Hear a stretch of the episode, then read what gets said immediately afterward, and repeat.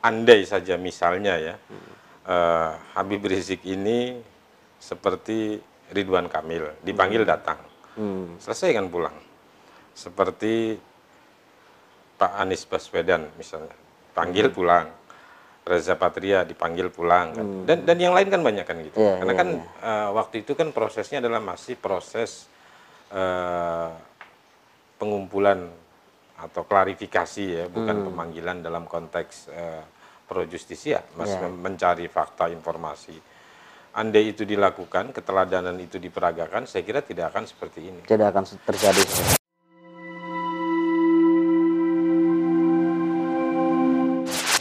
Assalamualaikum warahmatullahi wabarakatuh, Eh, sahabat monitor. Jumpa lagi dengan saya di acara podcast monitor. Nah, kali ini formatnya agak berbeda dan agak santai, Seperti karena biasanya kita di studio, nah kita di luar studio, tepatnya saya berada di kantor Setara Institute. Nah, di tengah-tengah kita sudah hadir Mas Ismail Hasani. Beliau adalah Direktur Setara Institute. Assalamualaikum Mas. Waalaikumsalam. Sehat ya? Alhamdulillah. Alhamdulillah. Sehat. Langsung aja nih Mas, kita ngobrol-ngobrol topik kita? santai. Kita mungkin pertama ingin ngobrol soal ya ini ada peristiwa yang ya sungguh sangat memilukan kita semua lah. Ya kita juga sangat menyesalkan adanya korban tewas dari Laskar Front Pembela Islam kejadian kemarin Senin eh, pagi polisi sudah menyampaikan keterangan pers bahwa kejadian tersebut dipicu oleh adanya serangan. Kemudian pihak EPI juga melalui sekumnya Pak Muna- apa Munarman sudah memberikan bantahan bahwa anggotanya tidak dibekali senjata tajam, senjata api dan tidak ada penyerangan. Ya kita tidak tahu lah Ya. karena itu mungkin bagian dari proses mencari pembenaran. Tapi yang paling terpenting adalah ya kita tentu sebagai masyarakat menunggu dan ingin mencari tahu sebenarnya kebenarannya kan seperti apa. Tapi itu mungkin ya, proses karena tim juga sudah dibentuk tim independen. Mudah-mudahan ya kita dorong aja supaya eh, akuntabel, transparan dan ya seadil-adilnya. Tapi saya ingin eh, kita membahas soal pertama mungkin berangkat dari peristiwa itu tadi. Nah, Mas Ismail bagaimana me- apa namanya melihat peristiwa tersebut? Iya, eh, prinsip dasarnya memang tentu kita prihatin ya. Iya. Ada warga enam warga negara eh, tertembak atau ditembak. Ini kita juga tidak tahu. ya.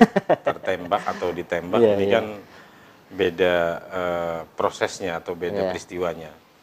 Dan kemudian meninggal dunia. Dan selalu saja memang eh, penggunaan senjata api yang menimbulkan kematian kemudian menjadi kontroversi. Hmm. Kita juga punya catatan misalnya di tubuh kepolisian ketika mengatasi berbagai macam demonstrasi sejak akhir 2019 sampai pertengahan 2020 saya kira ada dua atau tiga korban jiwa ya eh, dari adik-adik kita mahasiswa dan sekarang eh, juga ada korban. Ya. Nah, eh, prinsip dasar kita sangat prihatin dan tentu saja eh, perlu disesali ya, Iya. bahwa kemudian pada akhirnya mereka tewas atau meninggal. Nah, kalau versi kepolisian, kalau kita ikuti narasi kepolisian kan kita bisa melihat eh, polisi membangun narasi atau menyampaikan narasi bahwa itu adalah bagian dari pembelaan. Memang Mas Sukron di dalam eh, prinsip-prinsip dasar PBB ya tentang penggunaan senjata api diatur itu secara eh, detail dan ini saya kira deduksi dari hukum humaniter. Iya. Kalau kita eh, mahasiswa Fakultas Hukum biasanya belajar ini, artinya kalaupun kita berperang ya berperanglah yang santun, berperanglah yang Berperang yang santun ya. berperang santun misalnya permisi mau menembak gitu kan Iya, atau tepatnya kalau kita bisa menundukkan lawan dengan menggunakan tangan kosong Iya. menggunakan tangan kosong kalau dengan Palu dengan Palu gitu. jangan tiba-tiba langsung dengan senjata api Iya, misalnya. Nah ini ada aturan mainnya. Hmm. Ada juga peraturan eh, Kapolri ya nomor 1 tahun 2009 tentang eh, standar tindakan kepolisian, penggunaan kekuatan di tubuh kepolisian. Itu juga diatur semuanya. Termasuk juga ada peraturan Kapolri di tahun yang sama nomor 8 tahun 2009 Oke. tentang eh, prinsip asasi manusia dalam ya penyelenggaraan kegi- kegiatan kepolisian. Nah, eh, semestinya kepolisian mempedomani peraturan-peraturan tersebut dalam menjalankan tugas penegakan hukum. Oke. Nah, lalu eh, at the end memang polisi dibolehkan menggunakan senjata api sepanjang itu sudah mengancam jiwanya. Cuman narasi ini kita tidak tahu ini kan, Ya. eh, karena ya kita tidak terlibat, kita tidak tahu, tapi itu narasi yang dibangun polisi. Di sisi lain juga ada narasi yang eh, membantah, Ya. gitu ya, membantah dari Munarman, itu dulu senior saya. Eh, Di anu ya, YLBHI ya. Ya, dulu saya sama-sama di tim pencari fakta kasus Munir ya. Hmm. Ketika Pak Munarman kemudian berhijrah. Nah, saya tetap di jalan yang seperti ini gitu. Pak Munarman berhijrah menyatakan bahwa FPI tidak ada yang dibekali senjata. Ya. Tetapi teman-teman sekalian saya kira bisa memeriksa sebenarnya eh, bagaimana eh, track record kekerasan yang diperagakan oleh TNI, eh, maksud saya oleh FPI. Oleh gitu ya. FPI. Karena memang eh, saya misalnya riset soal FPI di tahun 2010 ya memetakan sedemikian rupa dan kekerasan memang kadang juga dipilih menjadi salah satu opsi dalam Hmm. berbagai macam aksi. Sekalipun eh, terkait dengan senjata api baru nih eh, kali ini kita Kalau senjata api, kalau senjata tajam. Kalau senjata tajam itu sering kita jumpai kan dalam Sering, ya. berbagai macam aksi. Artinya kultur kekerasan di tubuh FPI saya kira tidak bisa dibantah gitu Oke. ya. Itu yang yang terjadi. Karena itu Hmm. eh, saya kira polisi eh, penegak hukum selalu berhati-hati menghadapi kelompok ini. Hmm. Berhati-hati dengan apa namanya enggan atau quote unquote terlalu berhitung itu kan tipis juga bedanya Iya, gitu ya. iya. Tetapi memang faktanya eh, kultur kekerasan cukup dekat. Termasuk Hmm. ketika Munarman menyiram muka Profesor Tamrin Amal Tomagola dalam satu talk show. Itu kan Iya, juga iya, iya, iya, satu iya. teladan yang tidak baik saya kira. Hmm. Nah, dua narasi ini saya kira akan terus eh, menggema Hmm. dan mewarnai ruang publik kita baik dunia maya maupun dia, dunia nyata. Hmm. Tetapi eh, pada akhirnya saya kira kita bisa menempuh jalur-jalur yang tersedia Mas Syukron. Hmm, Misalnya eh, tadi saya bareng dengan Komnas HAM mereka sudah membuat eh, tim investigasi. hmm. Lalu eh, divisi Propam Mabes Polri juga sudah akan eh, sudah mulai bekerja gitu ya. Biarkan mereka bekerja ya eh, untuk kemudian eh, menemukan fakta yang sebenarnya. Kita dukung bahwa eh, polisi dalam menggunakan senjata api pun harus akuntabel Oke. gitu ya karena dalam negara demokratis tidak boleh ada orang dibunuh oleh alat negara dengan menggunakan senjata yang dibiayai dari pajak kita ya kan? Tanpa terjelaskan gitu ya. Tanpa terjelaskan. Tanpa terjelaskan itu bisa alasan-alasan yang objektif tadi atau akibat proses hukum ya. Dia dieksekusi mati sekalipun eh, kita juga tidak bersetuju dengan hukuman mati. Tapi itu dalam hukum positif kita masih masih berlaku gitu ya. Masih berlaku. jadi eh, saya kira kita akan lihat hasilnya seperti apa, termasuk misalnya aspirasi pembentukan tim independen. ya. Tim independen ini kan bisa dibentuk ya kalau kemudian asumsi bahwa publik tidak percaya terhadap Polri, Komnas HAM itu bisa jadi opsi ya Ya, sebagai eh, jalan yang bisa memastikan objektivitas dari sebuah penyelidikan begitu.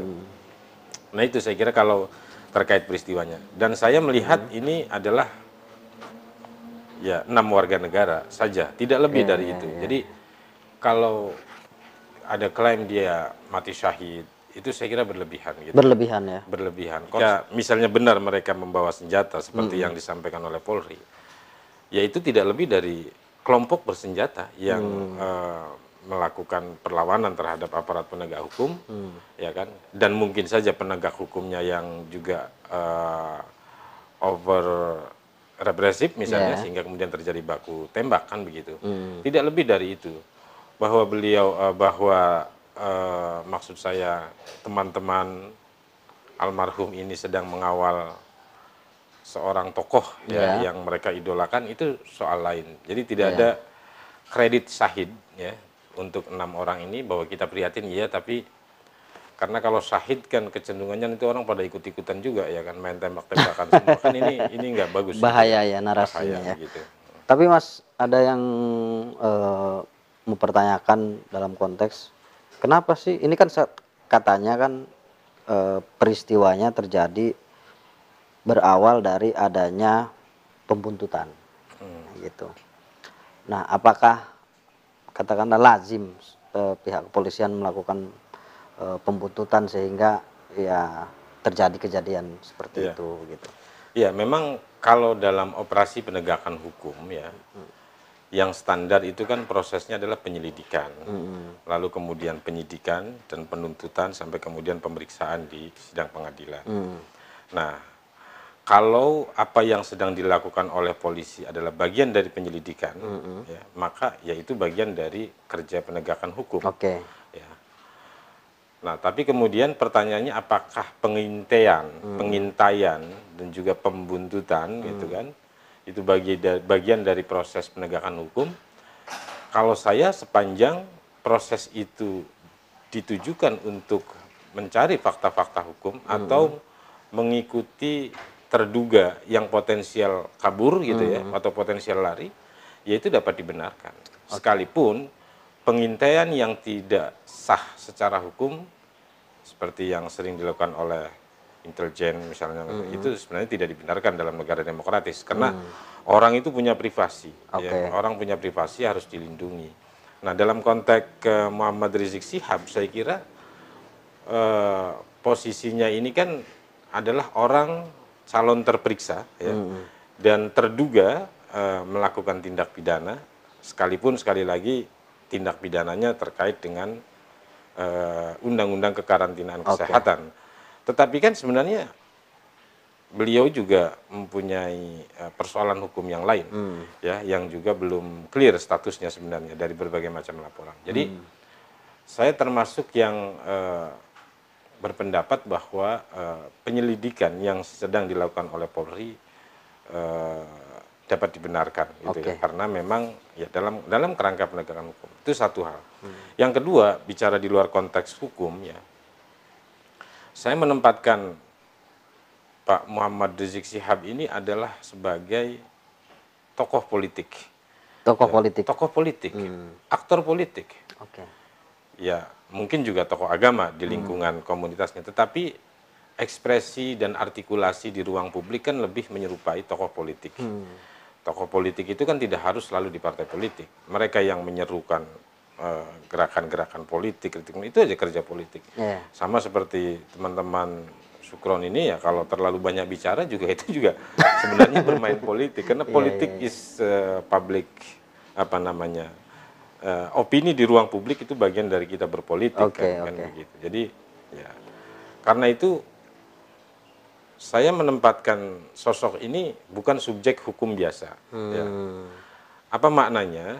Eh, ya karena tadi satu track record kekerasan yang Oke. melekat, track record kabur-kaburan itu juga yang menjadikan kemudian nggak bisa dong dia diperlakukan eh, eh, seperti manusia biasa yang tidak pernah berbuat salah atau melakukan tindak pidana tertentu lalu tidak boleh di- diselidiki kan Iya. begitu kan. Nah oleh karena itu secara politik saya kira dan saya yakin hampir sebagian besar tokoh-tokoh politik juga diikuti kan begitu. Mungkin teman-teman media juga pasti diikuti kan gitu kan. iya.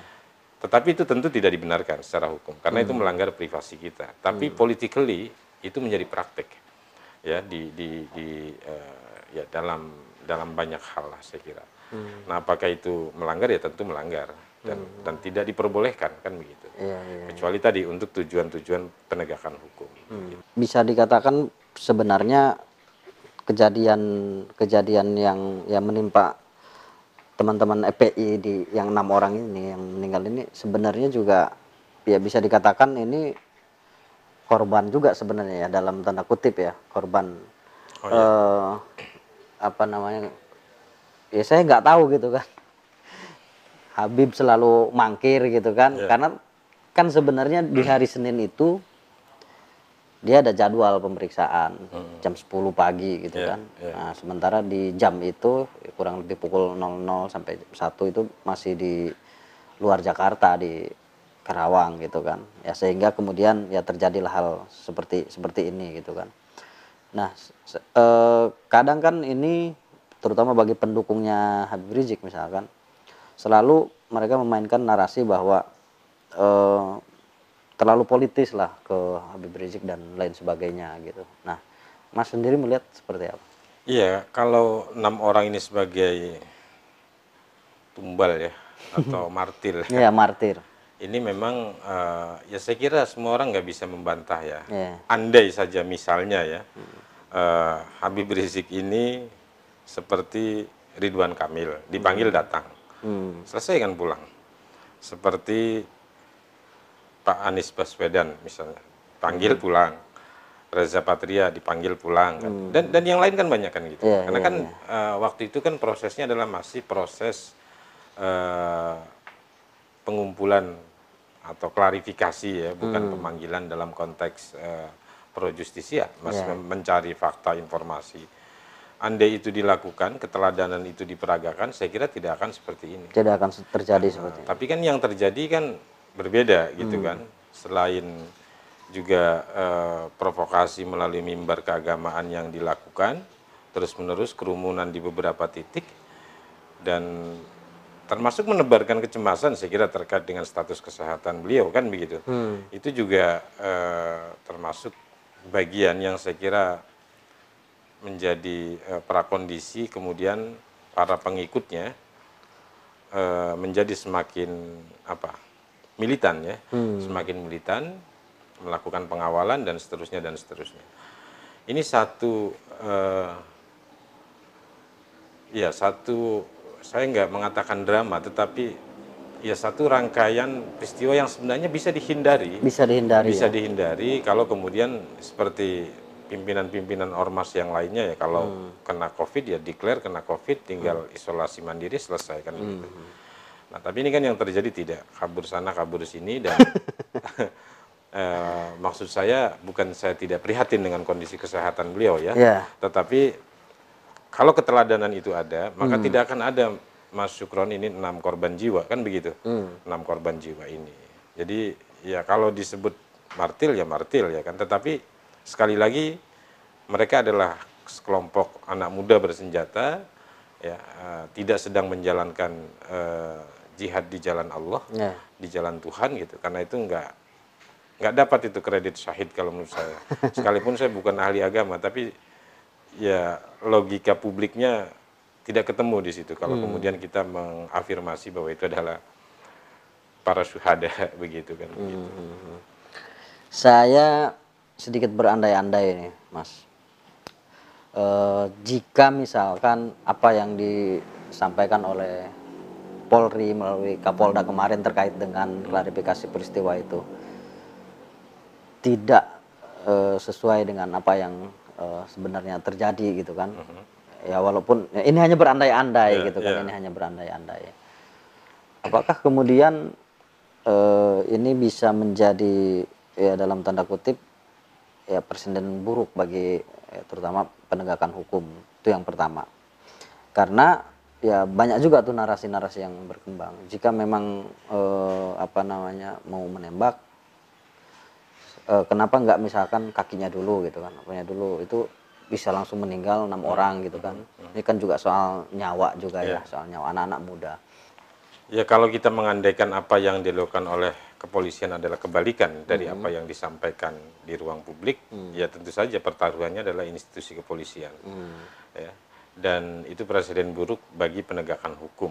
oke Ya artinya eh, ya orang kemudian bisa mengaitkan Polri selama ini juga melakukan pola serupa kan begitu. Mm-mm.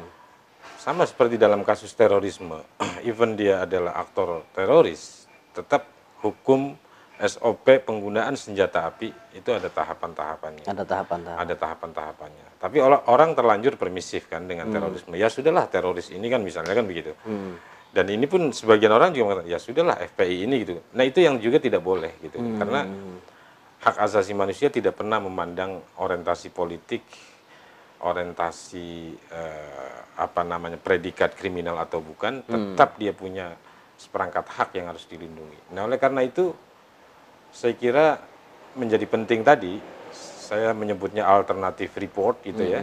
Laporan-laporan alternatif yang nanti misalnya dirilis oleh Komnas HAM, dirilis oleh Ombudsman barangkali kalau akan melakukan memeriksa prosedur-prosedur itu atau bahkan nanti kalau jadi dibentuk ke tim independen pencari fakta gitu ya eh, atas kasus ini itu yang akan membuktikan gitu ya. Apakah kemudian Polri telah menyimpangi SOP yang dia buat sendiri atau justru eh, ya memang benar adanya apa yang disampaikan Iya. kan begitu dan ini bukan pertaruhan kecil Mas Syukron saya kira karena kemudian nanti eh, apa namanya racikan politiknya juga menjadi lebih kencang lagi kan Ya, begitu betul. Nah, karena itu saya mengatakan ini dua isu yang harus dipisahkan. Hmm. Isu bahwa FPI memiliki segenap persoalan secara organisasi ya, lalu pimpinan juga mengindikasikan itu harus dipandang terpisah. Harus terpisah. Ini. Harus terpisah. Karena eh, itu tidak bisa tidak akan ketemu kalau kita eh, me- me- mengaitkannya dalam eh, hubungan sebab akibat. Gitu ya. Buat saya Walaupun nanti sebenarnya kejadian ini anu enggak Mas? Bisa mem- apa namanya ya tidak fokus pada apa yang menjadi tuntutan apa apa yang menjadi penyelidikan awal polisi. Kan ini terkait eh, Habib Rizik nih yang tadi yang tadi itu apa eh, melanggar undang-undang kekarantinaan itu kan gitu. Ya, tetap harus dipandang terpisah dan tidak bisa sebab akibat. Pertama, kenapa saya katakan terpisah? Satu peristiwanya berbeda, ya kan. Satu peristiwa baku tembak atau penembakan atau tertembak, yang itu aktornya adalah negara. Ya. Ya, aktor terduganya kan ini negara nih, yang dalam hal ini adalah polisi, kan Oke. gitu kan. Itulah yang akan dimintai pertanggungjawaban. Nah, yang lain ada juga eh, peristiwa tindak pidana yang aktornya adalah misalnya eh, Habib Rizik ini, kan begitu kan. Ini sesuatu yang harus dipandang terpisah, tidak bisa di- dikaitkan sebagai eh, hubungan kausalitas, karena tidak akan ketemu. Selain subjeknya berbeda, topiknya berbeda, jenis tindak jenis tindak pidana dan atau jenis dugaan tindak pidananya juga berbeda, karena itu harus diperlakukan berbeda. Sekalipun dalam narasi politik pasti ini akan menyatu gitu. Iya, Tapi kan iya. saya merasa berkepentingan untuk untuk meyakinkan sebanyak mungkin orang agar memandang ini ini terpisah sehingga dua-dua pihak tetap bisa dimintai pertanggungjawaban. Saya menyambung nih. Andai-andainya lagi saya nyambung. Memang Tadi- paling enak kalau mengandai-andai. Ah, kan enak kalau mengandai-andai. Nah, Jadi saya mengantisipasi. Jadi saya mengandai-andai lagi eh, apa yang disampaikan polisi itu adalah memang faktanya seperti itu gitu kan. Ya, oleh karena itu sebenarnya ketika setidaknya tiga peristiwa ya. Pertama penjemputan di bandara, lalu ceramah di Tebet, di Megamendung, dan terakhir di nikahan anaknya itu ada empat peristiwa ini Hmm. negara memang gagap, Mas Syukron ya. Ketika itu hampir tidak ada yang bersuara. Ah, saya ingat betul yang hanya satu organisasi keagamaan Islam yang protes terhadap Polri dan kemudian kita setara juga memprotes kenapa negara diam gitu kan menyaksikan peragaan pelanggaran serius. Kenapa pelanggaran serius? Karena ada gium keselamatan rakyat adalah hukum yang tertinggi dikangkangi, diingkari, dilanggar dan seterusnya dan seterusnya. Tapi negara diam. Nah, karena itu saya mengatakan ini adalah episode terbaik untuk negara untuk menegakkan hukum, ya, memperlakukan semua orang sama di hadapan hukum. Kenapa episode terbaik? Ya mumpung pulang kan begitu kan. Kan kemarin kan pergi gitu kan. Iya, iya, iya. Nah, pas pulang ini dan ternyata pulang ini bukan nambah santun gitu ya, Iya, eh, iya. tetapi Nomor ruwet. nambah semakin menjadi-jadi ya Iya. dan saya kira membahayakan eh, bagi kohesi sosial umat saya kira itu Mas Sukron karena bagaimana bukan buk- saya memang tidak berkompeten lah menilai Habib. Tetapi kalau kita merujuk misalnya membanding dengan Habib-Habib lain kan jelas itu 180 derajat Iya. eh, bagaimana teladan yang diperagakan olehnya kan begitu. Karena itu seperti yang tadi saya ingatkan, kalaupun kita me- me- sekarang mata kita diarahkan ke kepolisian yang melakukan penembakan membabi buta misalnya, tapi jangan lupa kita tidak boleh permisif sehingga seolah-olah membenarkan semua apa yang yang, yang dilakukan oleh eh, Habib Rizik dan juga para pengikutnya. Kan begitu dan organisasinya. Itu itu jangan sampai lupa itu karena itu tadi itu peristiwa yang yang yang berbeda. Jadi ini momentum terbaik eh, untuk kemudian negara terus hadir. Oke. bahwa ada eh, dugaan katakanlah ya eh, penyimpangan SOP itu konsekuensi dari tindakan polisional. Selalu selalu ada potensi itu. Sesama seperti me- me- mengawal demonstrasi kan selalu kemudian ada. Saya yakin tidak ada niatan ya untuk karena hari gini mas orang eh, aparat kepolisian itu udah sangat berhati-hati. Oke. gitu ya. Ya Terlebih belajar dari pem- pengalaman 98 99 dan peristiwa-peristiwa pelanggaran HAM sebelumnya itu sangat sangat hati-hati mestinya gitu kan. Dan saya yakin para pimpinan mengingatkan itu terus-menerus. Tetapi ya itu konsekuensi dari tindakan polisional dan ya memang kalau memang ada yang salah ya harus dihukum. Itu saja. Tetapi proses penegakan hukum tidak boleh berhenti. Oke. Itu karena kalau sekali berhenti, ini pada episode ini selesailah jargon negara tidak boleh kalah itu ya memang ja- jadi jargon Jadi itu kan jargon, dari zaman Pak SBY kata-kata itu negara tidak boleh kalah negara tidak boleh kalah tetapi menghadapi eh, organisasi semacam FPI kan tidak pernah tuntas Hmm. kan begitu Iya. kenapa ya saya kira banyak analisa di balik itu kan Iya. Eh, mungkin terakhir Mas. Ini pertarungan hari ini soal narasi nih, soal narasi ya versi eh, polisi dengan versi apa namanya FPI soal kejadian tersebut. Ya kemudian merembet ke soal-soal lain lah, terutama hubungan antar Habib Rizik dengan pemerintah. Eh, saya ingin bagaimana sih biar masyarakat itu Pak bukan ya paling tidak melihat problem ini bagaimana masyarakat itu harus melihat problem ini secara utuh begitu kan biar tidak misalkan hanya sebatas nara, apa namanya oh iya nih eh, ini ya mohon maaf gitu kan eh, aparat misalkan zalim apa rejim inilah itulah gitu kan. Ya kemudian ada juga kelompok yang lain misalkan. Ya udah wajar gitu kan karena memang ya, FPI begini begitu begini begitu gitu. Nah ini masyarakat biar melihat karena ini juga agak sensitif sebenarnya ini Iya, persoalan-persoalan ini gitu kan. Itu bagaimana? Ya, saya kira pertama-tama yang harus didudukan, Mas Sukron, adalah bahwa peristiwa ini bukan konflik FPI versus negara. oke. Itu nggak ada itu konflik. tidak ada konflik ya? yang- tidak, ada konflik Itu nggak apple to apple ya. oke. Jadi kalau ada yang minta rekonsiliasi, rekonsiliasi apa? oke. Antara siapa dengan siapa, begitu kan? Kalau kami pernah menyerukan misalnya ada proses dialog antara Papua dan Jakarta gitu kan, ada kesejarahannya. oke. Papua Jakarta. Kan begitu kan? Dialog kita dorong dan itu apakah equal? Ya secara hukum ketatanegaraan memang tidak equal. Satu negara satu ya elemen yang mengklaim di masa lalu menjadi Oke. uh, sebuah negara misalkan gitu. Kan. Hmm. nah ini kalau FPI dengan negara ya nggak ada nggak ada ketemunya. Iya. Yang satu ormas, ormas ini satu juga tidak terdaftar, sekalipun itu eh, bukan isu ya dalam konteks ini ya, karena orang berhak untuk eh, berorganisasi, ya, itu hak yang dijamin oleh konstitusi. Mau terdaftar mau tidak berorganisasi itu hak. Ini ormas sama dengan ormas-ormas yang lain ya kan, tiba-tiba minta rekonsiliasi dengan negara. Dan ormas ini lahir tahun 98 September ya, saya lupa tanggalnya itu ya kan, September 98 kalau tidak salah itu. Berarti baru Agustus katanya ya, ya, ya baru oh, Agustus ya. Ya, 98 ya pokoknya itu. Eh, saya bisa cek di, di, di buku riset saya, saya lupa. apa Tetapi- 17 Agustus ya 17 enggak, Agustus enggak, ya 17 Agustus. Jadi itu bukan entitas ya entitas biasa-biasa saja. Hmm, hmm, hmm. lebih tua dari usia kita begitu kan. Lalu minta rekonsiliasi dengan negara, jelas tidak proporsional. Tidak proporsional. Jadi itu yang saya ingin katakan bahwa negara versus FPI itu nggak ada konflik, nggak ada konflik, Oke. ya kan.